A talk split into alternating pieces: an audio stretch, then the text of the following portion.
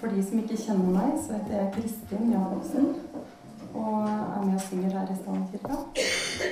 Um, jeg um, så jo på en sånn Det kom opp i feeden min på Facebook. En sånn slags bildekollasj fra hele verden som feirer påske. Og det syns jeg var helt fantastisk. Jeg tenkte vi er del av noe større. I dag vi sitter i hver våre kirker, men vi er forenet om det ene. Det som er viktigst. Jesu død og oppstandelse. Og da tenkte jeg vi er en del av et større fellesskap. Jeg syns det var så fint. Jeg tenkte at jeg følte meg så glad og takknemlig for å være nettopp det. Um, en liten digresjon, men uh, vi er jo her for å feire påske, og i dag er det virkelig en festdag. Um, jeg er kanskje ikke sånn entusiastisk av uh, væremåte, men inni meg så er jeg veldig entusiastisk. um, og jeg har kalt dagens preken for Sett meg som et seil på ditt hjerte. Og det er henta fra høysangen i Bibelen. Jeg kommer tilbake til det. Jeg tror at høysangen har noen lag og dybder i seg som vi kanskje må bruke en hel evighet på å forstå eller oppdage. Men en helt vanlig tolkning er at høysangen dypest sett handler om kjærlighetsforholdet mellom bruden og kongen eller menigheten og Kristus, for å være presis. Jeg fikk for alvor øynene opp for høysangen etter at jeg hadde gått gjennom det verste tiåret i livet. Jeg kjente meg leda til å lese høysangen, og det Gud viste meg, ga legedom og innsikt. Fremdeles når jeg leser høysangen, kjenner jeg det samme nærværet av Den hellige ånd som jeg hadde den gang. Som om Gud ivrer etter å vise meg mer. Det er noe av dette som jeg vil dele med dere i dag. Høysangen starter i kapittel 1,5 med at bruden sier 'Sort er jeg, men yndig'. The Message-oversettelsen sier det slik 'I am weathered, but still elegant'. Altså, jeg er herja av storm og vær, men jeg er fortsatt elegant. Slik begynner altså reisen til bruden. Det er en tosidig bekjennelse der hun først erkjenner sin syndige natur. Men heldigvis så følger det et men inni. Skammen over egen synd kan ramme oss så hardt at vi står i fare for å konkludere med at Gud umulig kan se på oss som vakre. Kanskje er det slik at den dypeste lengselen i ethvert menneskehjerte er bekreftelsen på at Gud gleder seg over oss. Vi tenker altfor lett at han er sint, oppgitt, utålmodig. Resultatet blir at vi gjemmer oss i skam og holder oss borte i stedet for å gå Han i møte og ta imot Hans grenseløse nåde. Et balansert bilde av at jeg er sort, men yndig, er nødvendig i kristenlivet. Vi må aldri miste Guds blikk på oss. Han fryder seg over oss. Så skulle man kanskje tro at Jesu verk på korset gjorde at all synd opphørte at all elende som vi omgir oss med, blir borte. At vi slutter å være slemme med hverandre, starter krig osv. Eller man skulle kanskje tro at etter jeg er 40 år snart, etter en årelang vandring med Jesus, så har jeg blitt helt fullstendig perfekt og syndfri. Da kan jeg meddele at det har jeg ikke. Men det hadde jo vært deilig noen ganger. Men sannheten er nok at vi alltid vil kjenne på en kamp mellom vår syndige natur og vår vilje til å gjøre det gode. Vi trenger Guds nåde, som ble gjort tilgjengelig for oss da Jesus gikk i døden i vårt sted. Jesus vet om det sorte i oss. Likevel ser han på oss med glede, kjærlighet, velvilje, heiarop og ynde. Noen ganger så tenker jeg at Jesus er litt, litt lik Wilfred Solberg, som går først i 17. mai-tog og heier på ingen sin. Men uh, vi får se. Kanskje det er sånn. Um, at Jesus døde for vår synd, gjør at vi ikke trenger å grave oss bort i skammen når vi har falt. Det betyr ikke at vi ikke må ta et oppgjør med synden, Men det er bånd i bøtta, som Asbjørn så fint sa det. God enjoys his relationship with the sincere believer who stumbles. Det er Mike Bickle som sier dette, som er fra IHOP. Det er faktisk ikke så farlig at vi ramler, men hva skjer etterpå? Dette er et utsatt sted. Når jeg har gjort meg bort, er jeg frista til å hate meg sjøl. Og jeg tenker det blir aldri noe greie på meg. Mitt indre er for sort. Da hører jeg en stille hvisken. Sju ganger 77, Kristin. Sju ganger 77. Gå ut av ditt kammer, min elskede. La meg se din skikkelse. Ikke gjem deg bort. Kom ut og møt mitt blikk. Med Jesu blikk på meg orker jeg å bære sannheten om meg sjøl uten å kollapse i selvhat og mismot. Men tilbake til kjærlighetshistorien i Høysangen. Kjærlighetsrelasjonen går gjennom ulike stadier. Lengsel etter hverandre, nysgjerrighet på hvem den andre er. Usikkerhet og nøling hos bruden etter å tørre å følge brudgommen dit han går. Savn, atskillelse, venting, leiting, gjenforening, lidenskap, ønske om bekreftelse og forpliktelse. Dette er jo gjenkjennbare ingredienser i ethvert kjærlighetsforhold. Men mot slutten av høysangen så ser vi at bruden modnes og trygges i sin kjærlighet til brudgommen, og i hans kjærlighet til henne. I kapittel 8 vers 67 sier hun Sett meg som et seil på ditt hjerte, et stempel på din arm. For kjærligheten er sterk som døden. Lidenskapen er ubøyelig som dødsriket.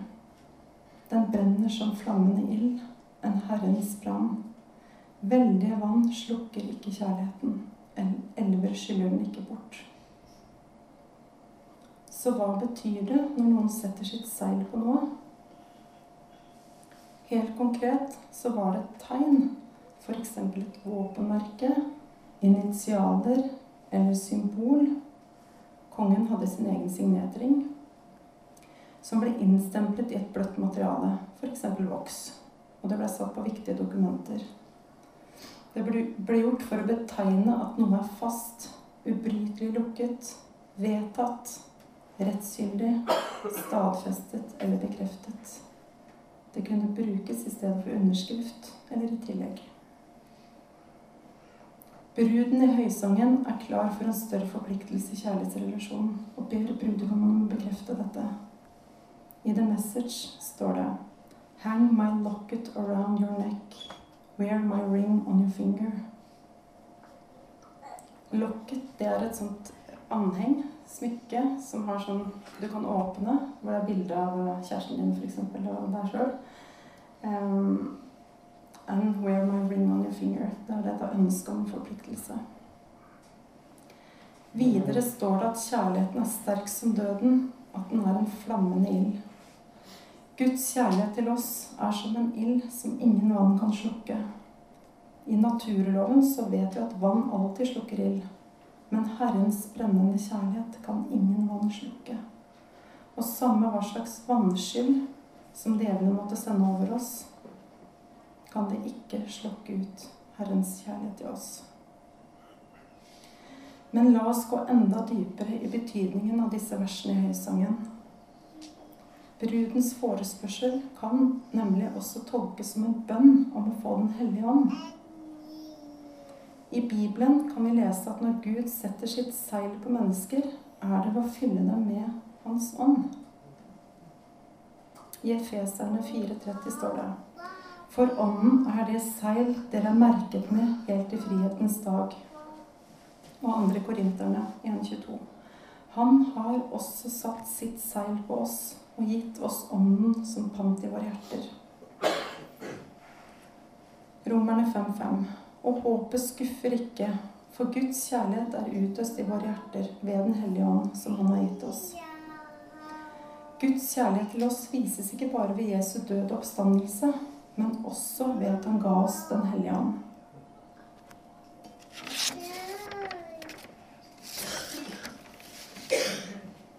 For så høyt har Gud elsket verden at han ga sin sønn, den enebårne, for at hver den som tror, ikke skal gå fortapt, men ha evig liv.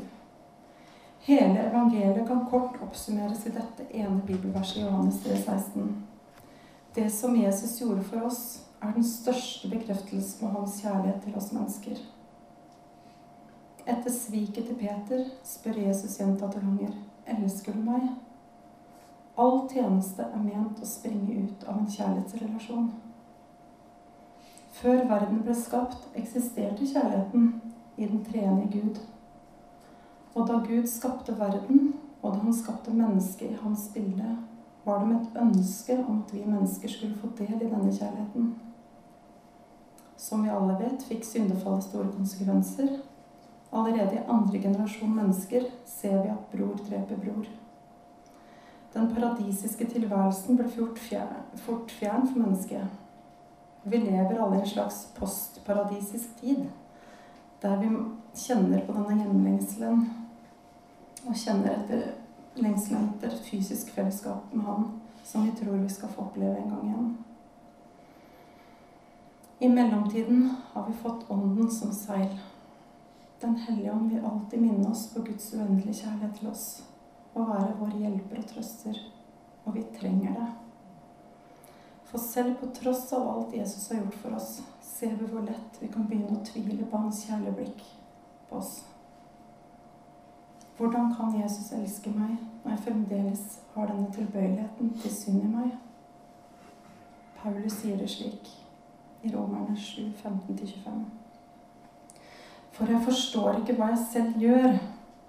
Det jeg vil, det gjør jeg ikke. Og det jeg avskyr, det gjør jeg. Men gjør jeg det jeg ikke vil, gir loven rett i at den er god. Så er det ikke lenger jeg som gjør det, men synden som bor i meg. For jeg vet at i meg, dvs. Si i mitt kjøtt og blod, bor det ikke noe godt. Viljen har jeg, men å fullføre det gode, det makter jeg ikke. Det gode som jeg vil, gjør jeg ikke. Men det onde som jeg ikke vil, det gjør jeg. Men gjør jeg det jeg ikke vil, er det ikke jeg som gjør det, men synden som bor i meg. Jeg finner altså at denne loven gjelder. Jeg vil gjøre det gode, men kan ikke annet enn å gjøre det onde.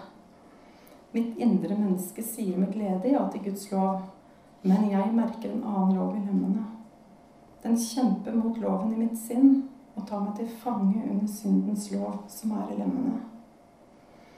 Jeg, ulykkelige menneske, hvem skal fri meg fra død, denne dødens kropp? Gud være takk ved Jesus Kristus, vår Herre. Slik er jeg altså. Jeg tjener Guds lov med mitt sinn, men syndens lov med mitt kjøtt og blod. Ganske voldsomme ord fra Paulus. Meget direkte og nesten sånn at det blir litt Hva kan du si noe sånt? Men vi må, selv om vi er kristne, så må vi regne med at den indre konflikten vi værer, alltid vil være der. Vi er rene og rettferdige Kristus, men fortsatt tilbøyelige til synd. Ånden er villig, men kjødet er skrøpelig. Trond, kan du sette opp den første sliden? Jeg eh, har eh, tenkt å ta med dette som kanskje en liten digresjon, men likevel så velger jeg å gjøre det. Eh, dette her er artworket til et album, et musikkalbum som kom ut i 2006. Og det er Jars of Clay, som er et uh, kristent band som jeg har hørt på siden min ungdomstid. Som jeg fortsatt hører på. Er blant favorittene mine. um, jeg husker første gang jeg ble introdusert for det bandet, så var jeg på Vatnarleir. Og um, mens de andre var opptatt av å gjemme gutter i skapet og løpe ut og rømme om natta. Og i det hele tatt så lå jeg der og hadde fått låne en CD av Tommy Jansson som jeg hørte på diskemannen min. Og jeg var helt fengsla. Jeg tenkte at eh, tid og sted forsvant. Og siden så har jeg blitt veldig berørt av deres musikk. Um, men dette albumet her er deres sjuende album. Og de var jo veldig store i si, kristenmusikken på 90-tallet. Um, og de hadde jo tekster og musikk som var veldig akseptert og veldig fint og flott. Jeg syns de alltid har vært fantastiske låtskrivere også, men de var veldig kanskje innafor en sånn kristen sjargong. Men da de skulle gi ut dette albumet, så sa de at de orker ikke det forventningspresset på å måtte skrive det som er typisk kristen musikk. Vi er nødt til å løsrive oss litt. Vi må gå dypere inn i hva det vil si å være menneske. Og leve i denne konflikten som vi gjør. Vi må begynne å sette litt ord på det. Og de kaller det for sitt bekjennelsesalbum. Og i en anmeldelse så står det Jars of Clay møter sine indre monstre. Og de har jo kalt Good Monsters. Det er fordi at du ser den hvite bakgrunnen, og så ser man det sorte som går igjen der. Og de har på en måte kledd seg ut som monstre, og vi får et innblikk i alt rotet som er inni oss noen ganger. Alt mørke, alt som er ødelagt. Alt som skrangler, og som forstyrrer metallet som rasper i oss. Samtidig som jeg er omgitt av dette lyset. ikke sant? Jeg syns den var så fin og setter så mye ord på hvor de vil med den plata. Um, tror vi kanskje bærer på et good monster inni oss alle sammen. At vi er både gående, holdt jeg på å si. Men i en av tekstene deres Jeg syns tidvis at det er briljant låtskriving på denne skiva her. Og jeg syns at de er ærlig og direkte uten å falle i en sånn eh, Nå skal vi vise kristenheten at eh, det er sånn vi skal begynne å gjøre det.